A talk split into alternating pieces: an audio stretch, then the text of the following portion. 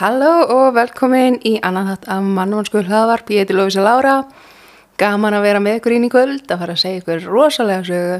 Uh, ég vil að byrja að þakka allum sem að kíktu á Dark Comedy Night sem ég var með uppistand um daginn, uh, alltaf rosalega gaman þegar ég hitti einhverja sem er að hlusta og mjög, mjög fyndið, ég hef nokkur sem lendi því að eitthvað af ykkur hafa mætt á uppistandskvöldni mín og eftir á þá segja alltaf hinn í grínstanir eða aðrir sem eru að það er bara eitthvað, hvað þetta er svo fyndið. Alltaf þegar veist, það er eitthvað svona borð af bara svona ógeðslega fallegum konum þá kemur alltaf í ljós að það er hlustendu þínir. Mér finnst það ógeðslega fyndið. Ég lendi í þessi nokkru var bara svona svona, það er eins og horfið kringur sem bara svona hvað er, hvað er svona bara, veist, fallegar eitthvað svona íslenska konur á þessu kvöldi, hvað er þetta? Svo, að þetta er þetta er lofísu fólk. Þetta er mannvonsku fólkið. Ég kann að meða það, það þurfum við ekki, fegur þeir eru auðvitað ekki allt en mér finnst bara, mér finnst bara úrslega fyndin aðtöða sem, búin að heyra þetta oftar en einu sinni, bara svona, alltaf er einhver ég er á síningunni sem er eitthvað óvenju fegurði fegurði en aðrir, þá er þetta hlustendur mannvonsku, þannig að ég held að ég myndi kannski ekki kunna að mita að heyra það, það er hérna að þeir eru myndalegur hópur allan að en hérna já, ég ætla bara að þakka fyrir að mæta og endilega er alltaf gaman að handið að frá að mæta. Ég ætla að auðvisa næstu síningunum mín í lókþáttarins um, en ég ætti bara búið að vera virkilega erfið vika hjá mér. Ég er búin að eiga bara svona guðminn góður, þetta er bara svona bara senustu vikur, ég er búið að vera bara svona röf þú veist, ég er bara svona bara rosalega dán, bara svona rosalega þunglindi kemingu í verki, er einhvern veginn bara alltaf sofandi og bara svona búið að vera svona ógslag erfitt og ég er alltaf bara, ég þarf að rífa mig upp úr þessu, þetta er bara, þetta er svo ömulagt að vera svona og hérna, ég hlæði ekki að gera lítið úr, þú veist, þú hérna, það, veist, það er mikið álag búin að vera á mér, þannig að þetta er alveg skiljalegt að mér er búin að líða svona, það er búin að vera svona mikið yfirþyrmandi og hlutur í persónulega lífinu mínu búin að koma upp á og svona sem er búin að vera virkilega erfiðir en ég fekk bara svo finna aðtöðasemdi í gær að, og þetta bara svona, ég fekk bara svona bara mind blown moment þar sem að hann Þóraldur uh, Þóraldsson vinnu minn sem að hérna var gestur í þettunum og er með, með hérna comedy special á leikonum og Vodafone leikoni og sjómas í manns núna sem heitir held ég Þóraldur 20 ára eða bara Þóraldur smá plögg. Hann nefndi við mig að ég er búin að vera svona í svolítið tíma og ég er búin að vera svona að beila yfir eitthvað svona að ég ætla ekki að mæta á uppistandi í kvöld með bara eitthvað líður ítla og búin að vera svona eitthvað svona voða leðilega eitthvað. Og hann nefndi eitthvað við mig, hann eitthvað svona já, bara voða leðilegt að ég líður svona ítla en hérna, má ég spyrja það svolítið? Eitthvað, eitthvað já, bara hversu lengi er þið búin að líða svona ítla ég eitthvað svona,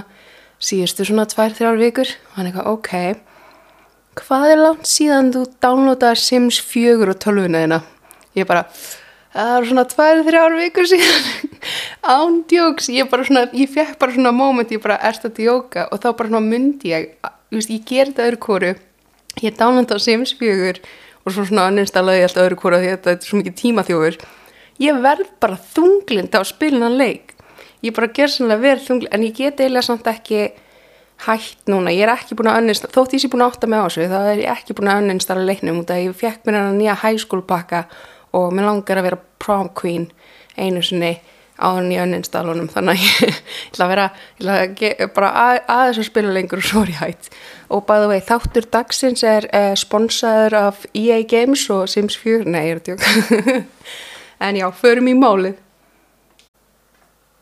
ég þarf að fara að byrja málið að því að það er virkilega langt í dag og ég vonaði fíla langa þetta ég ákveði að gera ekki túpartara. Ég bara, ég, ég tekið eftir nefnilega nokkur sinnum að það eru færri lustendatölur á sko part 2 og það bara fokka mér upp. Það eru stundum alveg svona eitthvað svona munar alveg um einhverju hundruði og það er bara eitthvað vá, einhverju hundruður fólki veit ekkert hvernig þessi saga endar. Og það bara að fokka mér býna upp, þannig að ég ætla ekki að gera túpartir, þannig að þetta er svolítið langt mál en ég ætla vera rétt svo að koma með update varandi varningin uh, ég er búin að fá peysurnar og ég á eftir að fá botlana á vassflöskuna sem vonandi bráðum að koma.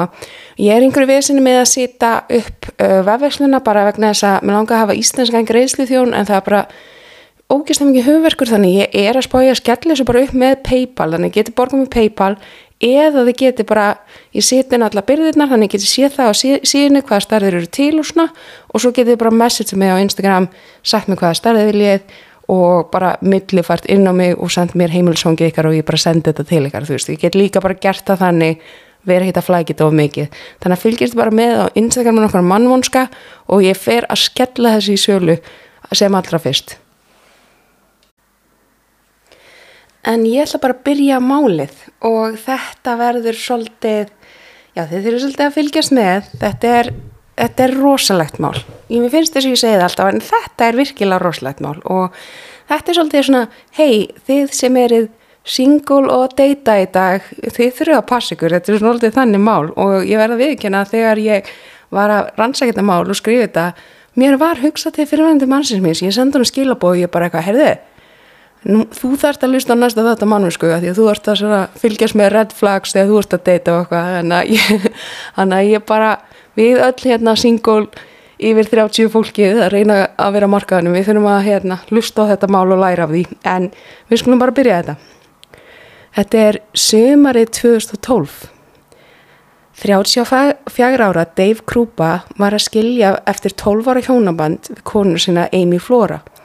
Pari aftur tvö börn saman Dave var tilbúin að fara aftur á markaðin. Það var myndalegur í góðu starfi og heilstiftur. Nú, nú sér það ásætla okkur ég var að tengja þetta við þig.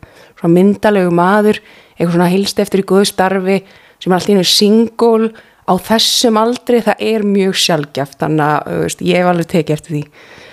Um, já, ég skrifaði mér sem segja hérna að örgla svaka fengur með við það sem er í bóð og deytingaforðum fyrir konur á mínum aldri. En Dave og Amy voru í góðu sambandi eftir skilnaðin. Þau voru eftir allt saman að alveg börn þannig að þau ákveða að reyna að gera þetta eins þægilegt fyrir börnin og hægt var. Hann vann sem yfirmaður á bílavestæði og vann mikið og langar vaktir og náði að koma sér upp fínu lífi eftir skilnaðin. Hann passaði þó alltaf að börnin hans var í forgangi og ef eitthvað kom upp á hjá Amy þá steig hann alltaf strax inn í og Amy gerði það sama fyrir hann. Þess börnin voru bara forgangur hjá þeim og, hérna, og það að vera. Þetta sumar var Dave orðin svolítið tilbúin og svolítið spenntur að koma sér aftur á markaðinn og hann ákvaði að downloada date appi og hann valdi appið Plenty of Fish. Hann vildi bara svona casual samband, hann vildi félagskap en var ekki tilbúin í annað alvarlegt samband, eitthvað sem að fólk er ófært um að skilja og verða að mínum að því, að minnst okkasti. Nei, þetta er bara, ég, ég sjálfur er svona, maður er eitthvað, maður er eitthvað, ég vil deyta og deyta einhvern sem ég er spennt fyrir en mér langar samt að vera bara svona með mitt eigi líf og eitthvað en mér langar samt, samt ekki að þú sér að deyta alla í heimi, að ég veit ekki, það er flóki sem ég vil flóki sem ég vil og enginn skilu það ekki ég heldur. Uh, en það snýst ekki mig. Það er hætta að tala sjálf mig, fyrir gefið þetta.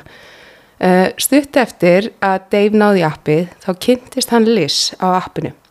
Hún var dökkart vekja barna móður og leist Dave ágjörlega á hana Þau fóru út í kaffibotla og komu vel saman og fóru að hittast reglulega.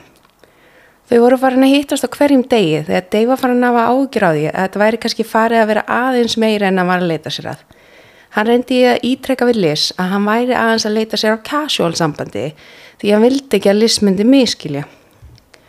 Liz viðukennir að hún vill meira samband en Dave en, en hann var að leita en hún sagði samtalið skilja og samþekita allt saman og Dave sagði henni að hann vildi ekkert enda þeirra samband en hann er bara nýskilinn og hann vil líka alveg halda áfram að deyta annað fólk. Stuttu setna er Dave í vinnunni þegar það kemur inn ótrúlega falleg kona sem vantar þjónumt á bílunum sínum. Dave fann neista þeirra á milli strax og vildi helst bjóða henni á deyt á staðnum. En Dave hugsaði að það væri kannski óveðandi, veist, hann er í vinnunni og hann veit ekkert hvort hún sé á lausu og er því svolítið slemt ef hann væri bara eitthvað mislesa þess að neista þeirra á milli. Hann ákveður því að gera ekkert í málunu en hann getur samt ekki að hætta að hugsa um þess að fallegu konu. Viku setna þá rakst hann á þess að drauma dís á Plenty of Fish. Dave var í skíunum, hún var á lausu. Hún hétt Kerry Farver og ákvað Dave að senda henni skilabóð. Hann sendi henni, hei, ég kannast eitthvað við þig. Kerry svara á honum og þau fóru spjalla. Stöttu setna áttu þau fyrsta date sitt en þau fóru út að borða Applebee's. Dave kom staði að Kerry vann sem forritari og átti eitt táningsson. Date gekk eins og í sögu og Kerry enda upp með að fara heim með Dave. En strax og Dave og Kerry komi heim þá byrjaði símin hjá Dave að ringja. Þetta var Liz, hún var fyrir utan. Hún þurfti að ná í nokkra hluti sem hún skildi eftir heima hjá Dave. Þetta var svolítið vandræðilegt og Dave vissi ekki alveg hvað hann átt að gera. Kerry sagði henni að hún ætlaði bara að fara þar, og það er það sem hún gerði og Kerry og Liz mættust í stegagangnum þegar Liz var að leiða upp. Liz næði dótið sitt og létt sér svo hverfa strax eftir það. Og Dave var með ágjör, þú veist, þetta var svolítið vandraðalegt og þú veist, hún var með ágjör að hafa klúra einhverju á milli hans og Kerry þannig að hann ringdi strax eftir í Kerry sem var þá að leiðinni heimti sín. Dave baðst afsökunar á þessu og sagði Kerry að þetta var nú lítið mál og bauð Dave að koma bara heim til sín. Sónur hennar var að gista heima á fólundum hennar og þau gáttu þá verið einn. Dave stökk í bílinn sinn og fór yfir til Carrie. Carrie var hreinskilin við Dave. Hún sagði að hún er tví fráskilin og er ekkert að leita nýjan alvarlegu. Hún vil tengingu og félagskap en vil geta að lifa sinu lífi, eigin lífi án hans afskipta og Dave gæti ekki verið kátari.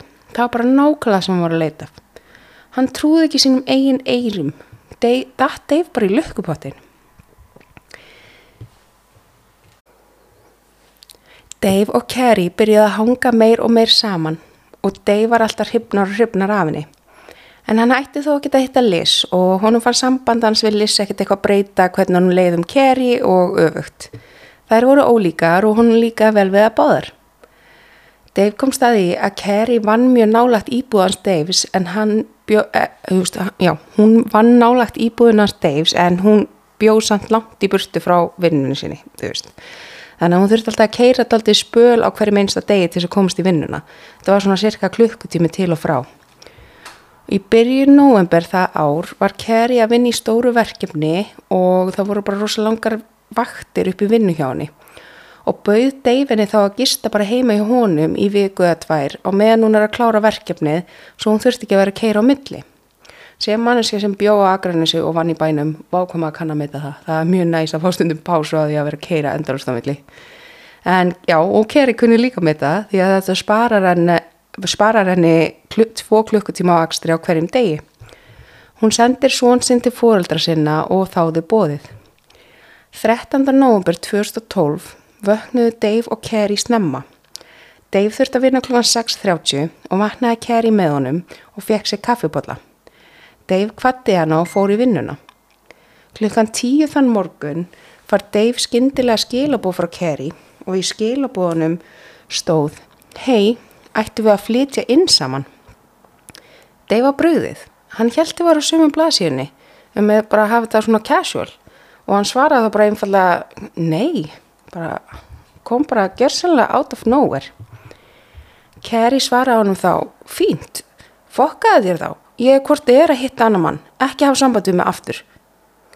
Dave var með áhyggjur á þessum viðbröðum er reyndi samt að hugsa ekki dóf mikið um þetta og kláraði bara vinnudaginn sinn hann kveið þess að koma heim og mæta Kerry þegar hann kom en þegar hann kom heim þá sá hann að bílinn hennar var farin og allt ótið hennar líka Hann andaði léttar, hjúk, vissulega var hann leiður að þetta endaði svona en hann var samt fegin að hún síndi, sönnun, eh, síndi sína sönnu liti svona fljótlega áður en þetta var alvarlegra. En Kerry var ekki hætt. Hún let Dave ekki í friði og hóf að senda honum fullt á ljótum textaskilubóð. Flest vorum les sem hún rakst á bara þetta eina skipti á stegagangnum. Hún kallaði hana meðal annars hóruna hans og feitt svín Stuttu setna hefur Liz samband við Dave. Hún spyr hann hvernig í óskopunum þessi kona sem hann er að hitta fekk númerið hennar og hvað væri eiginlega í gangi. Dave fyrir að spyrja hennar meir út í þetta og Liz sínir Dave að hún hefur fengið fullt af ljótum skilabóðum og hótunum frá Kerry. Dave er miður sín. Hann ætlaði alls ekki að láta sitt drama hafa áhrif á Liz. Hann veit ekki hvernig óskopunum Kerry fekk númerið hennar Liz. Les og Dave urðu nánari í gegnum þetta og byrjuði að deyta aðeins meira svona að alvöru. Við saminuðu svolítið í árautinu frá Kerry en stundu þegar Les og Dave voru saman þá fenguðu bæði skilabú frá Kerry sem virtist vita hvað þau voru að gera. Í eitt skipti þegar hann var að horfa á sjónvarpið þá sendi, honum, þá sendi hún honum skilabúð. Ég sé þig, ert með fætun upp á borði í bláum ból og í annarskipti þegar hann var að koma sturtu þá sendi hún Ég sé þig, þú varst að koma styrtu. Dave var skjálkaður á áreitinu en var líka með ágjur af því að áreiti var að aukast á hendur Liz og fyrir varri var fyrirverðandi kona Dave, Amy, einni var hann að fá skilabór frá Kerry. Þarna var Deivon skelkaður um börn sín líka. Hann vissi bara ekkert veist, hvaða mann þessi kona hafi geima. Hann vissi ekkert, hann þekkt hann ekkert á hann þetta gerðist í rauninni. Að hann vissi ekkert hvers, hvað hún hérna gatt hafði í sér að gera.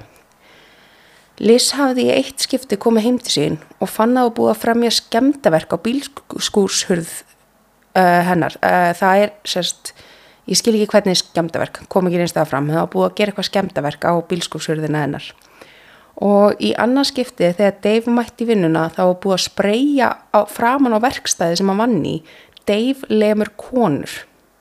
Sem betur fyrir náðu Dave og vinnufélagans að þrýfa þetta af áður en einhver sá þannig að það var engin skaði á en þetta gerði náttúrulega Dave mjög skelkaðan.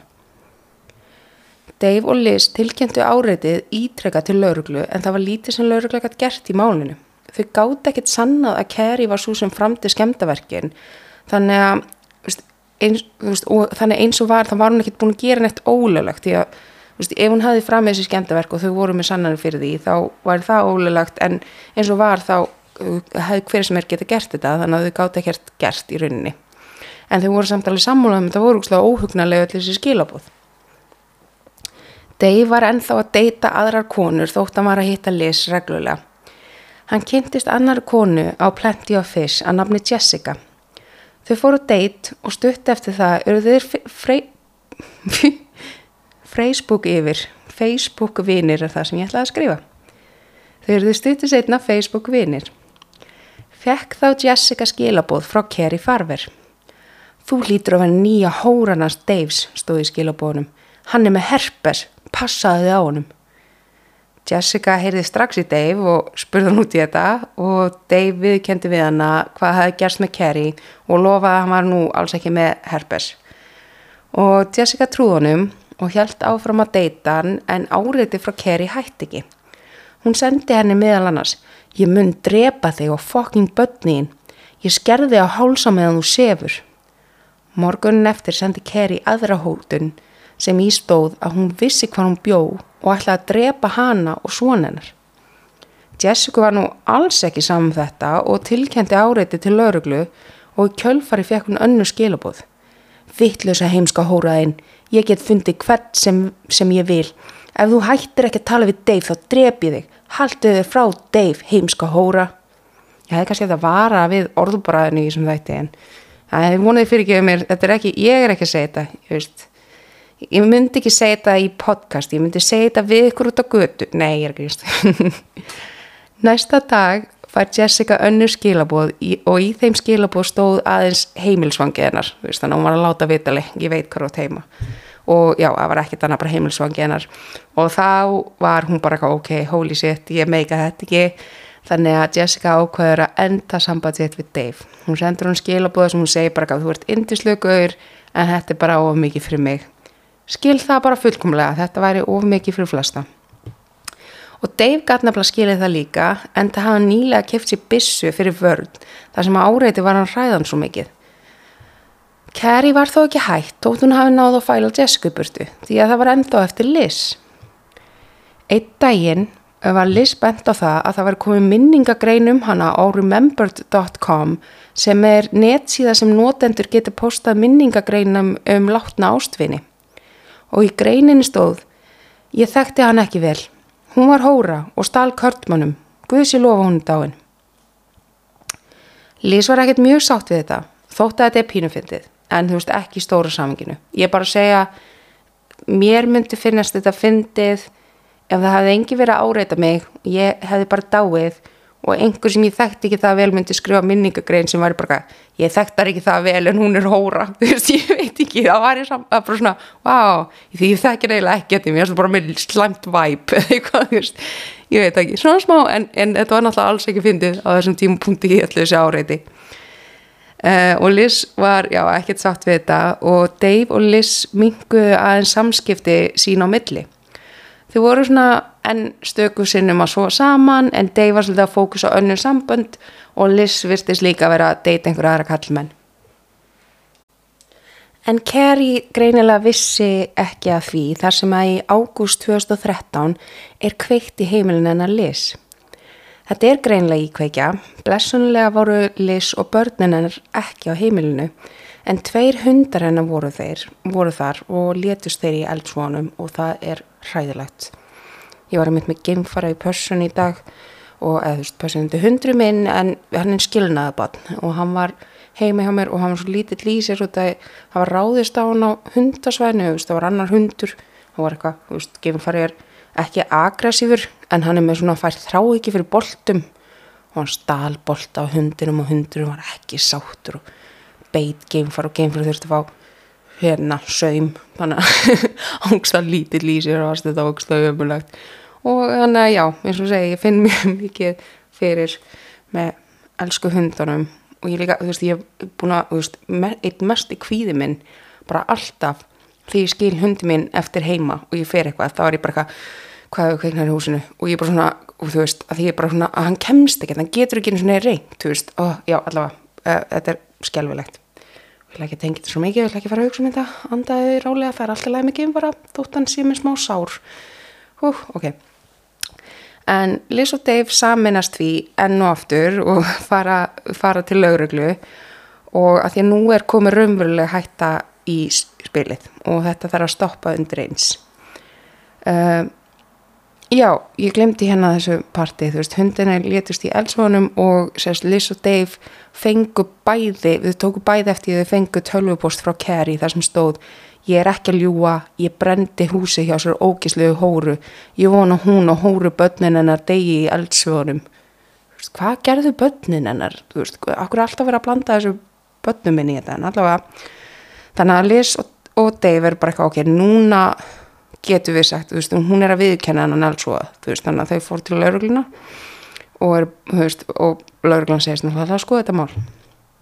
Þau verða nánari í gegnum þetta áfall og byrja að leita að huggun í hverju öðru aftur en þau voru svona eiginlega hægt að hittast áður.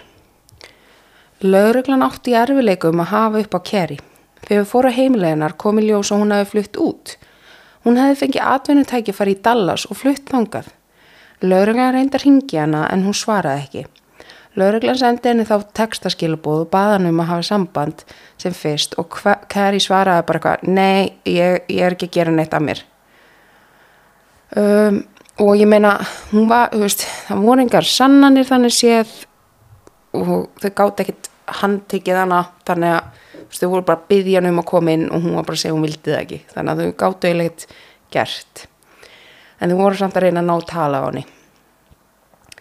Eitt dag sér Dave kunnulegan bíl lagðan í stæði í nákrenni hefði heimilin hans. Hann sér að vissulega er þetta bílinn en að Kerry. Dave var með ágjörði að Kerry væri komið leigu íbúið í nákrenni við hann. Hann ringir þær í lauruglu og þegar lauruglu kom á vettvang þá var greinlegt að bílinn hefði verið skilin eftir í svolítið langan tíma.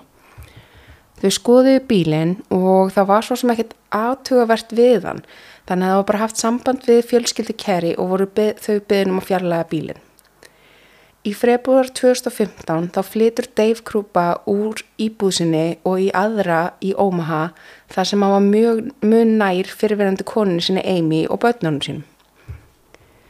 Dave og Liz voru ennþá að deyta og þau höfðu planað að eigða þakkagjörðaháttíðinni saman það ár. Það var stormur þetta kvöld og áður en Dave og Liz hittust þá ringdi Amy í Dave. Amy hafði á þessu tímbúndi eignast annað bat með öðru manni og það barn var verulega lasið. Amy treysti sér ekki að keira barnið upp á spítala út á storminum og spurði hvort að Dave geti gert það fyrir hana. Hann auðvitað sagði já og hringdi Liz og sagði henni hvað hefur gerst og dreif sér til Amy þar sem komi ljós að barnið var með verulega hán hitta og síkingu í eittlunum en það var þó allt í læg með barnið í endan en þetta leiti ítla út á tímubili og það voru allir með svolítið áhugjur. Um, Liz brást ítla við þegar Dave hætti við að hitta hana með svona litlum fyrirvara.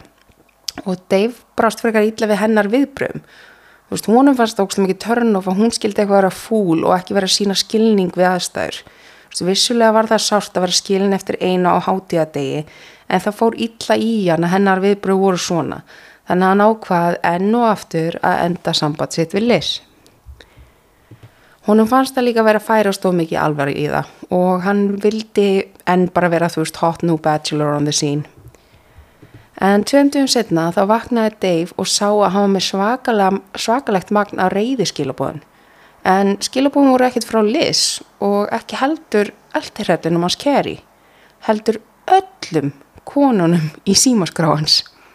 Hann var heldur hissa og var ekki lengi átt að segja á því hvað hefði gerst. Allar þessar konur hefði fengið ljót skilabóð sendur símanum hans Daves og í skilabóðunum var bara, þú veist, það var eins og Dave bara kallar ljótar og feitar hórur og okkur svona. Þetta var virkilega óhugnalegt þar sem Dave velti fyrir sig hvernig Kerry hefði komist í símans. Hann var bara býtu brjóst, brjóstan inn í íbúðuna mína því að hann var, hann var bara með síman sinn á uh, náttborðinu við hlinarúminu sinni í hlæðslu og það myndi þýða að hún hefði farið inn í íbúðuninnar tekið síman, annarkort verið bara í, við rúmið hans að senda þessu skilabóð eða verið allan inn í íbúðunans í einhver tíma að senda þessu skilabóð og skila svo símanum aftur í hlæðslu á borðið og það er bara, oi hvað það er ógeðslega creepy, það bara fríka mig super mikið út og það gerði hann líka, það fríkaði hann, hann bara hvernig var hún janninni, þetta er ógæsla krífi um, en þannig að Dave fór í skápin sinn þar sem hann gemdi bissuna sína og hann tók eftir því að hún var horfin 5. desibér 2015 kl. 6 að kvöldi þá berst neyðalínni símtal það, þetta er kona í miklu uppnámi hún öskra, ég veri skotin, ég veri skotin Laurugla og sjúkrabíl kom á svaðið og fundið þar Liz í blóðpolli á jörðinni á, í Big Lake Park. Liz hafðist hafa verið að röldi í gardinum þegar hún skindilega heyris kvennmannsrödd sem segir finnst þið gaman að ríða Dave? Liz nýsir við og við það er hún skotin. Sem betur fer, fer skotið aðeins í fótin á henni og er hún farð af spítala og gert að sárumennar. Laurugla sendi strax þyrlur til að reyta af árásmanninum en ekkert finnst. En það sem kom laurugla óvart var þegar þið töluðu villis þá sagði hún að árásumarinn væri ekki Kerry Farver, eldirhellir hennar, núna til næstu tveggja ára. Heldur barnsmóðu Dave, Amy Flora. Liz sagði einni við lauruglu að hún hefði fengið hótunarskilabóð frá Amy Flora deginum áður og hana hafi farið að gruna að Amy geti hafi verið eldirhellin allan tíman. Enginn hafi séð Kerry í næst í tvö ár. Gæti verið að Amy hefði drefið Kerry og væri búin að vera að hrella Dave og hana í hennar nafni, eða úst í Kerry nafni. Og nú þar sem ég er búin að vera að mislið ykkur í ansi langa tíma þegar kemur að þessu sögu þá ætlum ég ekki að gera það lengur og svarið er nei. Nei, það er ekki málið, það var ekki Amy. En við ætlum aðeins að spóra tilbaka og að því að það sem er áhugavert við þetta mál er að það voru tvær rannsóknir gang, í, í, í gangi um sömu konuna, Kerry Farver, á sama tíma í tveim mismundi fylgjum. Lauruglan í Nebraska sem að Dave Bjó var að rannsaka Kerry Farver sem eldirhelli sem mögulega hafði eitthvað að gera með íkveikju og núna skotárás á meðan lauruglan í Omaha þar sem Kerry Farver Bjó var að rannsaka mannskvarf. En förum aftur í 13. november 2012. Þá kvatti Dave Krupa uh, Kerry Farver þegar hann var að fara í vinnuna. Og eins og þið munið, það var hún með hann um þennan morgun og hún var að drekka kaffibotla því hann var að fara að vinna svo snemma og hún var bara eitthvað í náttfötunum og fartölunni að því hún þurfti ekki að mæta strax í vinnuna. Hún var bara svona að taka það í rólega og þau kvættust. En Kerry mætti ekkert í vinnuna þann dag. Vinnufélag hennar voru hausa. Þetta var ólíkt Kerry. Hún var mjög dugli í vinnunni og hafði ástriði fyrir starfinu. Einnig voru það að vinna í stóru verkefni. Þau reynda að ringja og senda henni skilabóð en hún svaraði ekki.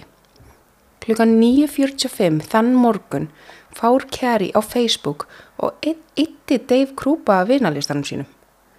Stuttu eftir klukkan 10 sendi svo Kerry Dave skilabóðin um að flytja inn saman þannig að hún var búin að eigðunum áður en hún sendur um eitthvað hei og að flytja inn saman.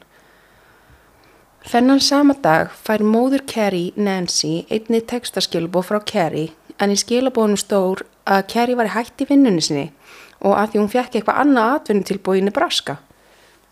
Þetta kom Nancy óvart.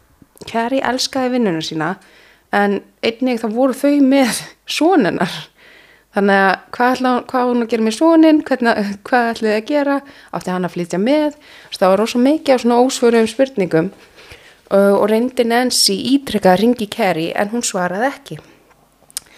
Nancy var með áhugjur En Kerry hafði samt svarað einhverjum textaskilbúðum og sagði bara að ég er komið fyrir, ég ringi setna að fara yfir smátrén. Uh, en þessa helgi var stórt fjölskyldubrúðkaup í fjölskyldu Kerry og þegar Kerry mætti ekki í þetta brúðkaup þá stóð Nancy ekki á sama. Hún fór beinustu leið til lauruglunar í Omaha og tilkynnti Kerry sem týndan einstakling.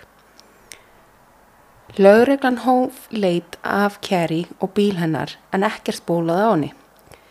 Eitt lauruglu þjóðnin ákvað þá að senda henni skilaboð og saði henni bara, tilkynnt henni bara hei þú ert tilkynnt sem týndur einstaklingur og þú verður að hafa samband í laurugluna sem fyrst.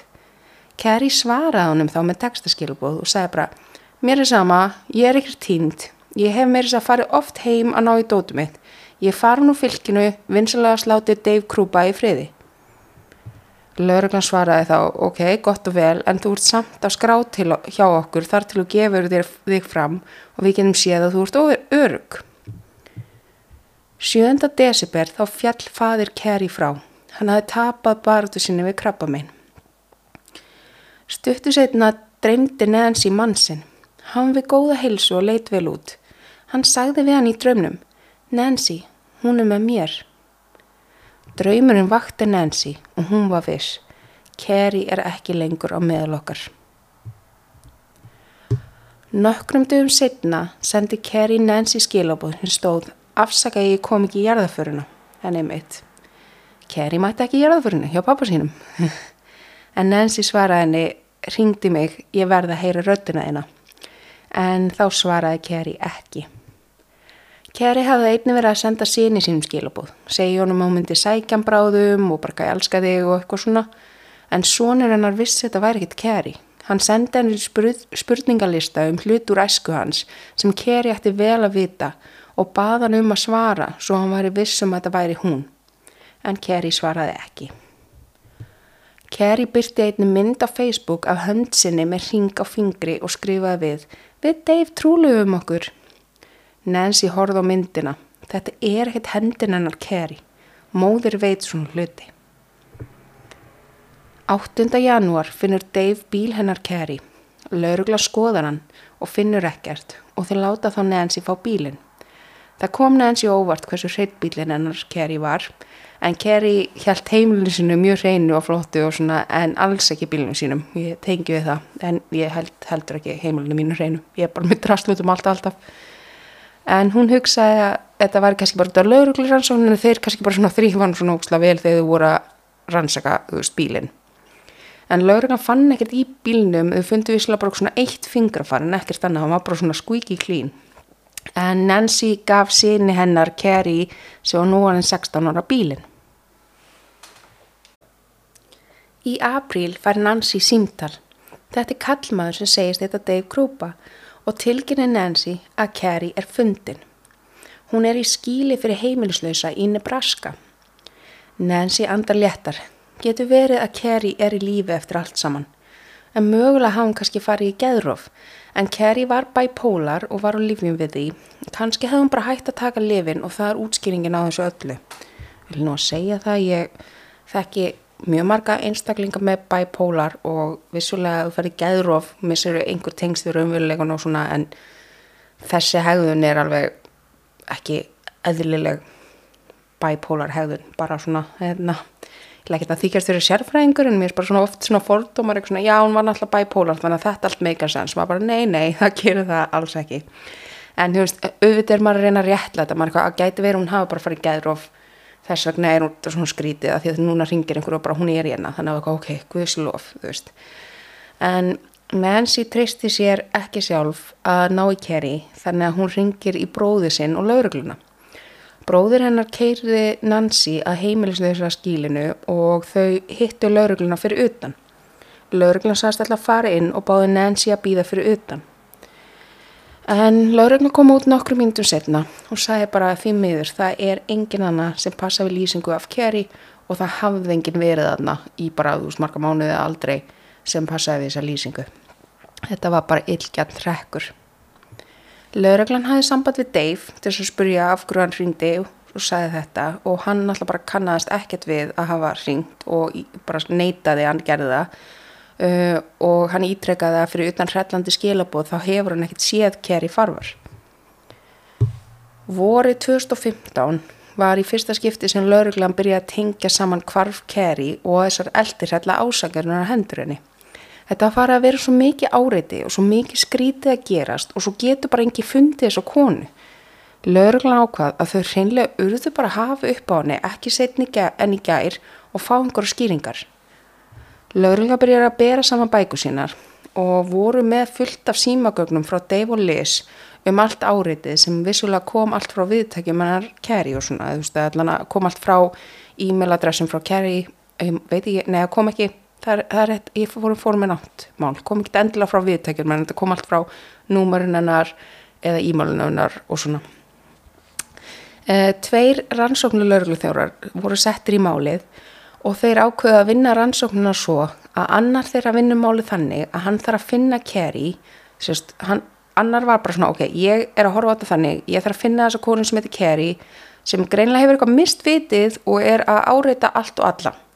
En hinn átt að rannsaka málið eins og hugsalegt mandráp. Þeir hittu svo reglulega og báru saman bæku sínar. Sama nafnið var ítrekkað að koma upp í báðum rannsóknum. Sjanna Liz Góliar. Þeir sáu að fyrsta skipti sér nafn Sjönnu eða Liz eins og við þekkjum hann og ég ætla að halda áfram að kalla hana það. Uh, fyrsta skipti sér nafni hennar kom upp þá var það sama dag og Kerry kvarf. En þá hafði Kerry sendt vinnu, vinnunu sinni textaskilabóð sem ég stóð Ég tók starfi í Kansas en ég er að senda einhver til ykkar til að fylla stöðuna mína. Hún heitir Sjanna Gólier. Liz Sjanna Gólier sem vann í þrifum var sendt til þess að fylla stöðu hennar Kerry sem vann sem tölvuprógramari. Það er ekki rétt törm á Íslandi, heitir þetta eitthvað annað? Er, þetta, er það það sem kerfisfræðingur er? Opp, opp, opp, ég á ekki að segja svona hluti í fæli eðritingar. En hún ætla hann að prógrama þig af tölfur og vann við það og allt í hún eitthvað, já, þessi kona er að koma, þú veist, Sjanna Liz Góliar er að fara að koma að fylla mína stöðu. Og maður gæti alveg hugsa eitthvað svona, já, en þú veist, Kerry var greinlega með eitthvað Liz á heilanum, kannski sagði hún bara, sendi hún bara skilabóka, já, þessi kona er bara eitthvað til þess að niðurlæðina eitthvað, þú veist. Uh, en lauruglan spurðist fyrir og þau komst að því að Liz actually mætti á vinnustæðin henni Kerry og bjóst við að vera bóðið starfinnar en auðvitað fekk hún ekkert starfið. Þannig að hún, þetta var ekki bara eitthvað svona já, ég, ég er að skrifa eitthvað bull skilabóð, þetta hún sagði ég er að senda þessu konu og það mætti þessu konu einni skoðuði síman hennar lis en þau voru búin að fá að hlaða inn niður öllu innihalsefni símans marg oft áður með leifi frá lis þegar lis var að kæra áreitið.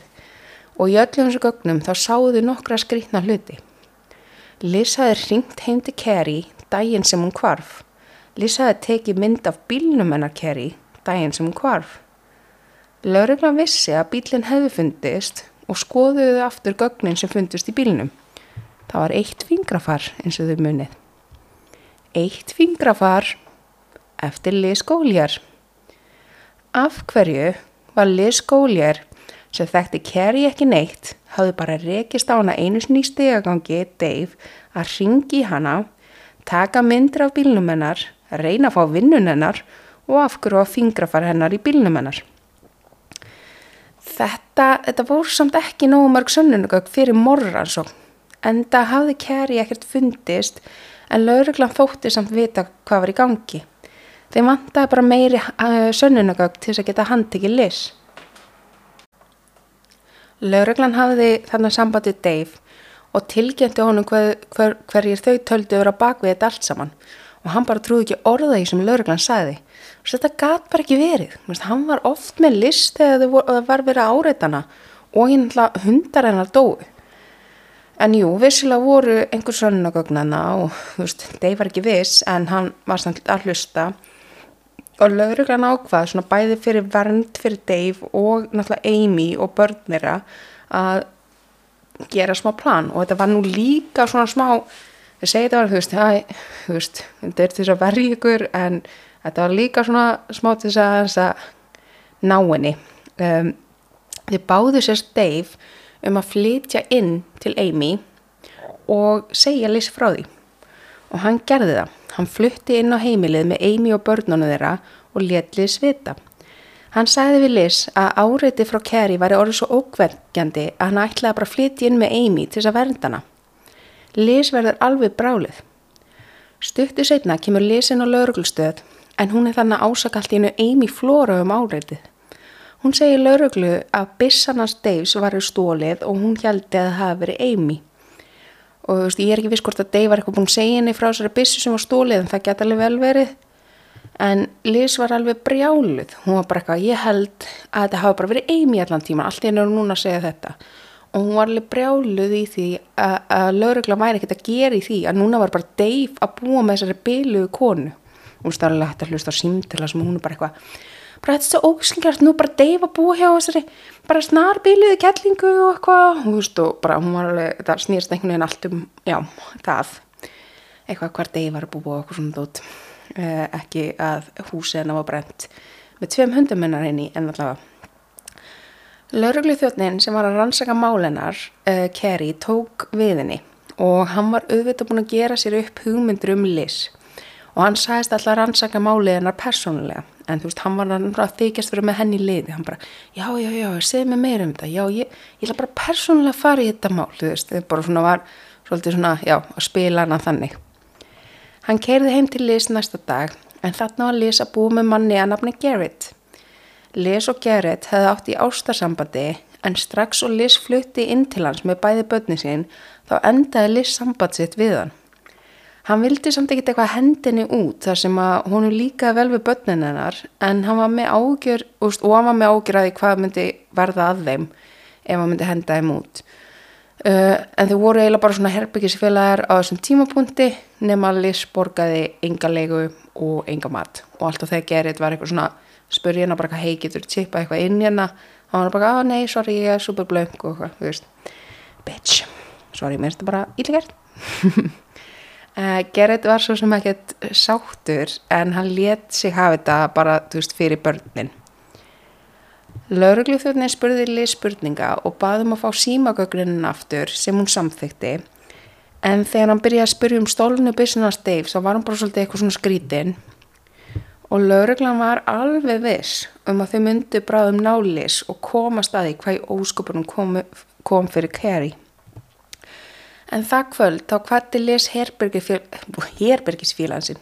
Hún kvatti herbergisfélagsinn Gerrit og sagðist allir í Walmart. Gerrit fannst svolítið skrítið og hún var eitthvað að taka það fram. Að því les var yfirleitt ekkert að láta vita ferðum sínum. Hún var eiginlega bara ekkert að tala við hann yfir höfuð. Þegar Liz hafi samband við hann setnum kvöldið og tilkjent honum að hún hefði orðið fyrir skotáras í gardi nálagt þá var hann hissa. Hann bara af hverju var hún þar? Hún tilkynnt honum sérstaklega og hún ætlaði í Walmart. Garrett rettaði pössun fyrir börnin hennar og fór niður á spítala til að tala við hennar. Liz sagði Garrett söguna og Garrett spurði hennar af hverju óskupunum var að fara eitthvað eini garð þegar hún búin að segja að hún var úksla hrætt við hennan eldirhælli. Og Liz sagði bara eitthvað, æ, ég er úksla ringluð á livjónum, ég man ekkert af hverju ég var þannig og eitthvað svona. En hún bað Garrett að fara heim og bað hann að ná, um, ná í nokkra hluti sem hann vantaði, kom með á spítalan. Garrett gerði það en þegar hann var að týna saman hlutina og var inn í herberginarnar þá fann hann nokkra muni sem höfðu verið stólnir í innbroti á heimilegðara nokkru áður. Fann það bara undir rúminu meðal annars fartölunans. Garrett spyr Liz bara hvað í óskupunum hún var að gera með stólnu fartölunans en lesir eitthvað bara svona, ó ég keift hana.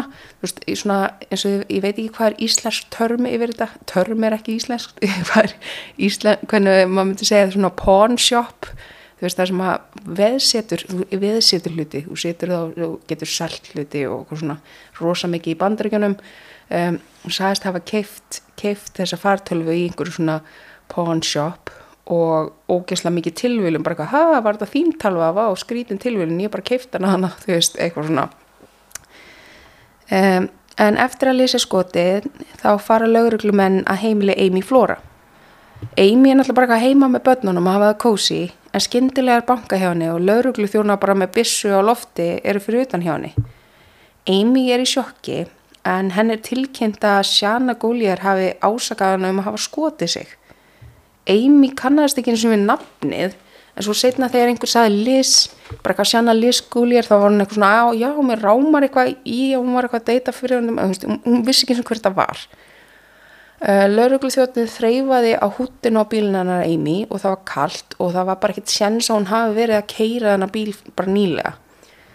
Það var leitað á heimilin hennar og engin byssa fannst. Það var greinilegt að Amy skaut engan Lauruglan fór þá aftur uh, að tala við Liz á spítalunum og tilkynnti henni að Amy hafði ekkert að gera með skotárusuna og Liz var bara eitthvað, ha, er þið viss? Jú, þetta var hún, ég, ég þekkti röndin hennar, ég var alveg viss um það, eitthvað svona. E, í símagögnum Liz fannst einnig að öll tölvupostfang sem að Carrie hefði búið til í þeim tilgangi að hrella fólk voru búin til af Liz. Þau fundu eignið búnað sem gerði Liz kleift að skipulegja skilabóð fram í tíman. Þannig eins og til dæmis þegar hún og Dave sátu saman í sófanum og fengu bæði skilabóð á saman tíma þá var það út af því hún var búin að skipulegja þessi skilabóð með þessum búnaði. Liz eitti 40-50 tímum á viku að senda e-mail og textaskilabóð sem Carrie. Það er insane. Laurugla var svona nánast búin að ná henni á þessum tímpunkti en þeir vildu samt meira, þú veist, þú voru ekki með, þú veist, kerið, þú voru ekki með líkamann hennar, þú veist, þú vitið að náttúrulega, þú veist, nobody no crime, þú veist, þetta eru erfi mál þannig að þau vil, vildu bara fá eins mikið og þau gáttu áður en þau myndi handtakana um, og þannig að þau ákveðu svona komið annar plan, þau sögðu við lis og voru svona, já, herðu við trúum þér alveg með Amy, hún er greiðlega bara hún hefur greiðilega verið á bakvið þetta allt en við bara því miður erum ekkert með næg sönnunagögg við þurfum eitthvað við þurftum að fá hana til þess að játa eða eitthvað þannig við getum handikið hana. Og þau gerðu þetta í von um að Liz myndi gera nákvæmlega það sem hún gerði. Uh, hún mætti bara á lauruglustöðuna stýttu setna og bara herðu, ég er bara með allir þessi e-mail sem að hún, hérna, Amy var að játa þetta allt saman og þá lætur hún frá lauruglun að fá e-mail þar sem hún er að játa á sig áreitið og hafa kveikt í húsinu hennar og morðið á Kerry Farmar. Farver fyrir geð lauruglan gæti strax séð að Amy skrifaði ekki þessi e-mail en í einu e-mailinni skrifaði Amy, hennar gæslapa að hún hafi stungið Kerry í bílnum hennar og brent líkið hennar. Og þú veist lauruglan bara telur að þetta er í rauninni þú veist, hún hérna Liz að játa það sem hún gerði. Þetta er eiginlega eina sem við höfum til þess að reyna aftur græði hvað gerðist er þessi játning frá Amy.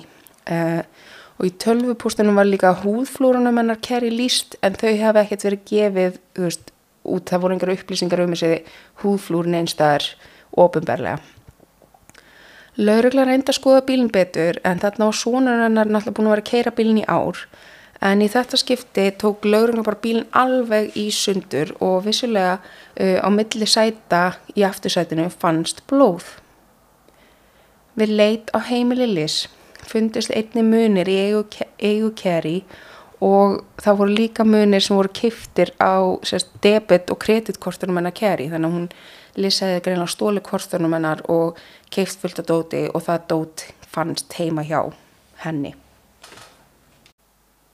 Liz var loks handekinn fyrir morð og íkveikju uh, árið 2017 uh, en fyrir réttahöldin þá fann Dave gamla spjaltölfu heima hjá sér sem hann myndi að Liz hafi haft aðgangað þannig að hann fór með hana til lauruglunar. Á SD-korti í þeirri tölvu þá fundist myndir sem virtist vera af líki keri. Það eitthvað svona close-up myndir af húðflurum og þetta var eitthvað sem leit út eins og þetta væri keri. Þetta var erfitt mála rétti. Þetta er bara eitthvað svo ógísla bilað. Það var náttúrulega rosa mikið fjölmilafár og Kerry náttúrulega hafði ekkert fundist. En Liz var samfundur seg fyrir bæði morðin og íkveikju og hún fekk lífstíða fangelsi. Hún situr inn í dag. Í rannsókn um líf Liz Góliar kom mikið fram. Liz fættist í Michigan á sjönda áratug. Mamma hennar Dee dóð þegar hún var aðeins friggjára og pappina var ekki myndinni og fór því hún og bróður hennar á fósturheimili. Þegar Liz var tvítug þá gistu, giftist hún manni en það gekk ekki upp og þegar þau skildust þá kynntust hún öðru manni að nafni Rey. Fjölskyldur Rey leist ekkert á Liz. Þau vöru hann við henni. Það var bara eitthvað off. Hún var rosalega afbríðsum og hún bannaði hann um að tala við konunnar í vinnunans En Rey var bara svo gjössanlega heitlaður aðni og hann hlustaði ekki. Stuttu setna var Liz ólétt. Rey vissi að fjölskyldan samþykta eftir Liz og bað, bað, já, hann baði Liz um að býða með að tilkynna óléttu sinni þannig að hann geti svona aðeins veist, undibúið þau undir þessar fréttir. En Liz bara mætti í næsta fjölskyldubóð og bara tilkynnti þetta bara eins og ekkert væri. Þegar Liz var komin áttamánu á leið þá var Rey að undirbúa að koma nýju fjölskyldinu fyrir. Veist, hann ætlaði, held að þau voru bara að fara öll að flytja inn saman og allt bara í blóma en Liz skindilega bara eitthvað tilkynnti á hann og hún var flutt inn með einhverjum öðrum kallmanni að nafni Níl. Rey var ringlaður og var í uppnámi en Liz var bara eitthvað, nei, veist, það er samt ekkert á milli okkar, veist, hann er bara herbyggsfélagi minn og eitthvað, hann eitthvað ok, þú veist, fannst þetta skrítið? En ákvað bara láta það slæta. En stutt eftir fæðingu fyrsta svona þeirra uh, þá kom, eða uh, bara svona þeirra þá komst rey að því að Liz og Neil voru í raun í romantísku sambandi og það brauti honum hjartað. Liz hóf þá samband við Neil sem að átti eitt badd fyrir og kom úr stóru fjölskyldu. Hann elskaði badd og hann elskaði Liz, svon, já hann elskaði Liz og svonena Liz Cody bara sem frábæra viðbót í sína stóru fjölskyldu. Fjölskyldan í líkt og fjölskyldans reys hötuðu samt Liz en þau voru samt alveg tóku vel á móti Cody og voru svona bara þú veist þau voru svona, já, svona, svona stór fjölskyldu eining einhvern veginn. Um, og ég las einhver staðin, ég fór ekki, þú veist, ég vil að segja það en takk ég mig fyrirverðan, þú veist, Níl var vist eitthvað svona með lágagreind í vist tölu uh, en ég veit ekki já, bara, kannski bara. Já, hafið það allan í huga fyrir restina á svo því að já, uh, Níl sá oft um Kóti á meðan Liz var í vinnunni og einn daginn þegar mamma Kóti Glóri var í heimsó, þá tók hún eftir að Kóti sem var yfir, yfirleitt svolítið svona hávart og erfitt bann uh, var bara ógslag rólegur, þú veist, hún kemur í heimsó og hún bara, á, betur kýrst eitthvað á kóti og bara eitthvað, hann er úrslega rólegur og eitthvað, hann bara já, þú veist, hann búin að vera svolítið rólegur eitthvað dag og eitthvað. Og svo setna um daginn, þá, þú veist, þegar Glóri er að fara og hann að fara að kíkja á kóti aftur og þá tekur hann eftir að kóti er ekki að anda. Þau ringdu náttúrulega bara beint í neðlínna og reyndu að bjargunum en það gekk ekki og kóti fjall frá. Níl var gjössanlega miður sín, hann var vissum að það var ekkert sem hann gerði sem að gati eitthvað allir þessu. Hann var bara, segði bara, ég var bara að sjá um strákin eins og svo oft áður, bara ég leik við hann ég gaf honum og ekkert undirlegt fyrir utan það að hann var bara miklu rólar í dag heldur en alla aðra daga. Uh, Níls hafi einni uh, mömmu sinni að kvöldi áður hafi Liss ringt í hann á meðan hann var í vinnunni og sagðist að hann mist badnið og baði hann um að koma heim. Níl kom heim en þá virkaði eins og væri alltaf læg með kóti. Níl var handtekinn að því hann var einn með barninu mest allan daginn. Og líka þú veist að því hann sagði þú veist þegar lauruglan er eitthvað svona ertu vissum að því þú voru áverkar á barninu eins og hann var gert megin og lauruglan var að reyna að finna út hvað gerðist og þannig að þau voru að spyrja hann alveg svona þú vissum að þú varst ekki að hristan og eitthvað svona. Og hann eitthvað viðurkent hann bara jú ég var eitthvað þú veist þá var hann með barni svona hnénu og var svona að jugga eða svona hvað segir maður? Svona já svona og hann sagðist að hafa gert það og hann sagðist að hafa svona nokkur svona, svona liftan upp í loft svona reynláðan hlægir svona leika við hann. Og veist hann viðkendi það og þannig að þau eru bara svona já það geti verið að hann hafi fengið shaken baby syndrom af því. Þannig að Níl var bara eitthvað ok já ég gerði þessa luti kannski gerði ég þetta þá óvart veist. þannig að hann viðkendi þetta og hérna já þannig að hann var handekinn og var í 8,5 ár í fangelsi fyrir döða barsins Dægin eftir dauða Koti þá hittir vinkuna Lissan í Walmart og þá var hann bara eitthvað kampakátt að tala um nýju fötinn sem nágrannarna ætlaði að gefinni og ég jarða fyrir Koti þá var hann bara eitthvað að sína öllum myndir af síni, hans Níls og var brókslega eitthvað kátt og þetta let bara rosa marga fá svona óbræð í munnin. Og uh, stutti eftir þetta þá byrjuðu sagt, uh, Liss og Rey aftur saman í smá stund en það gekk ekki upp en Rey viðkendi að hann hafði einhvern veginn alltaf grunað að Liz hafði eitthvað að gera með dauða barsins en ekki Níl og mér finnst pínu að ljósi þess hvað, hvað hefur komið upp núna með hversi, hvernig manneskja Liz Golier er að það ætti kannski svolítið að endur skoða þetta, þetta mál. Því að ég held að Níl hafi sittið inni fyrir eitthvað sem hann gerði ekki en það sem er uh, ég ætla nú ekki að segja sorglegast, það er mjög sorglegt að þannig uh, dó batn og, og mikið, mikið sorglegt í þessu máli. En Kerry Farver hefur ekkit ennþá fundist, enn þann dag í dag. Og þú veist, auðvitað er alveg nokkuð ljóst hver hennar örlug eru og fólk er nokkuð vissum að þetta er bara það sem að Liz játaði að hafa gert sem Amy hafi verið það sem kom fyrir Carrie en það veit enginn hvað líkamannar er og það brýtir um í hjarta að fjölskeldanar færi aldrei að leggja hana uh, til kvildar. Um, það sem ég varst líka svona svolítið leðilegt við þetta mál er að þetta er bílað mál og þú veist ég viðkenni alveg að ég byrjaði, ég sagði frá málinu þannig að ég var svona mis, ég var að vísa ykkur á því að veist, halda veist, ákveðna hluti og svo snýri málinu svolítið við og það er náttúrulega gert í skemmtarnaskinni en þetta er náttúrulega ekki neinn skemmtun uh, að því þetta er uh, líf hennar. Og hún baði ekkert um að vera tekin inn í alla þessa ringlureið sem þetta mál er. En hérna, þannig ég átta mig alveg á því að ég er svona, ég var alveg að þetta er kannski svona, hefist, mér langaði að segja þetta mál og sögunar og svona. Og ég kaus að gera það á þennan hátt fyrir skemmtun og gildi og mér líð pínu ítli yfir því og, um, og ég teki eftir að mörgunur hlaður kjósa líka að segja sögunar svona.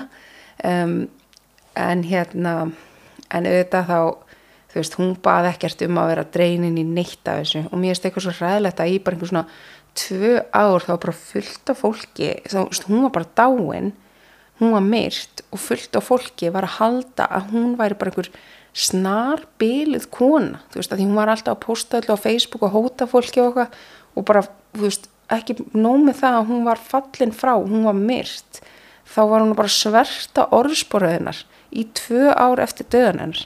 Þannig að mér finnst það svona bara virkilega eitthvað sem maður þarf að minnast á. Og líka það var alveg erfitt að finna svona upplýsingar um að æfinar kæri því ég hefði alveg viljað tala svolítið um hana eftir á en það sem ég fann var bara þú veist að hún, hún var hann að tvígift átti svon, hún veist bara frábær mamma var vissilega með bipolar og búin að taka lifið því og var ekkit, þetta var ekkert ströggl í lífin hennar bara virkilega drifin, dugleg uh, og svona smá svona vinnualki. Og hérna allir bara, tö, veist, allt sem ég las um hana var bara virkað eins og hún væri rosa. Og ég mitt það sem Dave fannst um hana fyrst þegar hann hitt hana, hún bara gullfalleg, ógísla skemmtileg, klár, flott kona, þú veist. Bara vá, ég dætti í lukkupottin og ég er bara nokkuð vissum að þótt að hún náði í smástund að aðeins að breyta hans skoðin áni þá held ég að þessi fyrsta ímyndans af Kerry var bara nákvæmlega hver hún var. Og við ætlum að hugsa til hennar í kvöld og við ætlum að hugsa til hundana Tveggja og Kódís og hérna þetta sem ég tela eru fjögur uh, fórnalömp hennar lesa, ég ætla ekki að segja ofinberlega því að hún hefur ekki verið kærð fyrir hérna fyrir Kódi en allavega hundarnir tveir og, og hérna og Kerry sem eru fórnalömp hennar les. Og við viljum að hugsa til þeirri kvöld. Ég veit ekki lengur hvað ég er að segja ég er bara eitthvað, við erum búin heitt. Ég er í mannvonsku peisunum minni og hún er bara super hlý og ég er sitandi undir ljósum og, og ég er alltaf svona smá stressu þegar ég er takkuð upp þannig ég er svona sveitt og heitt þannig ég ætla bara að ljúka þessu í dag en ég vonaði hafið þau gaman af. Og já en núna náttúrulega augljóslega þarf ég að fara í Sims og ég ætla að reyna að vera fósinn sem prom queen, ég er búin að vera að vinni í því. Búin að vera að afla með vinsalda mjög vel, þannig að ég vona að það gangi þetta skipti.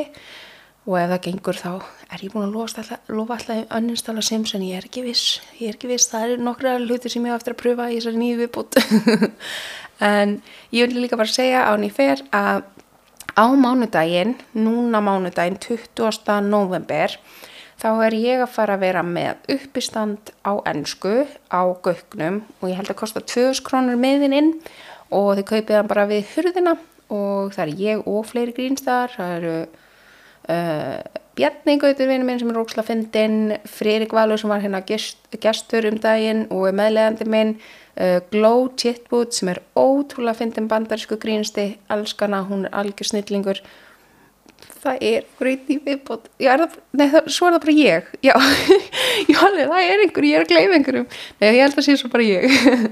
Og hérna, þannig ég vona endilega að þið hafi tíma og langar að kíkja að þið kíkji við á gaugin og ó, sjáu uppistandi mitt. Og já, ég hérna fylgist við á mannvonsku Instagraminu.